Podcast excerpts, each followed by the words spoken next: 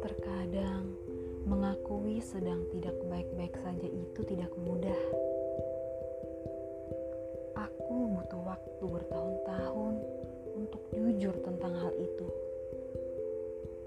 Mungkin selama ini aku merasa menang karena aku terlihat baik. Tetapi aku salah. Aku justru babak belur, sakit, sedih, dan kesepian.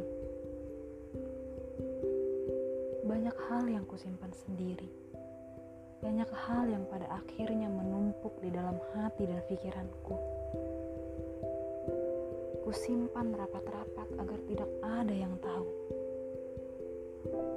Pikirku, ini adalah jalan yang terbaik. Menjadi malapetaka buatku sendiri. Sekarang aku mengerti. Menahan rasa sakit sendirian itu tidak baik. Ketakutan akan dihakimi oleh orang lain itu wajar adanya.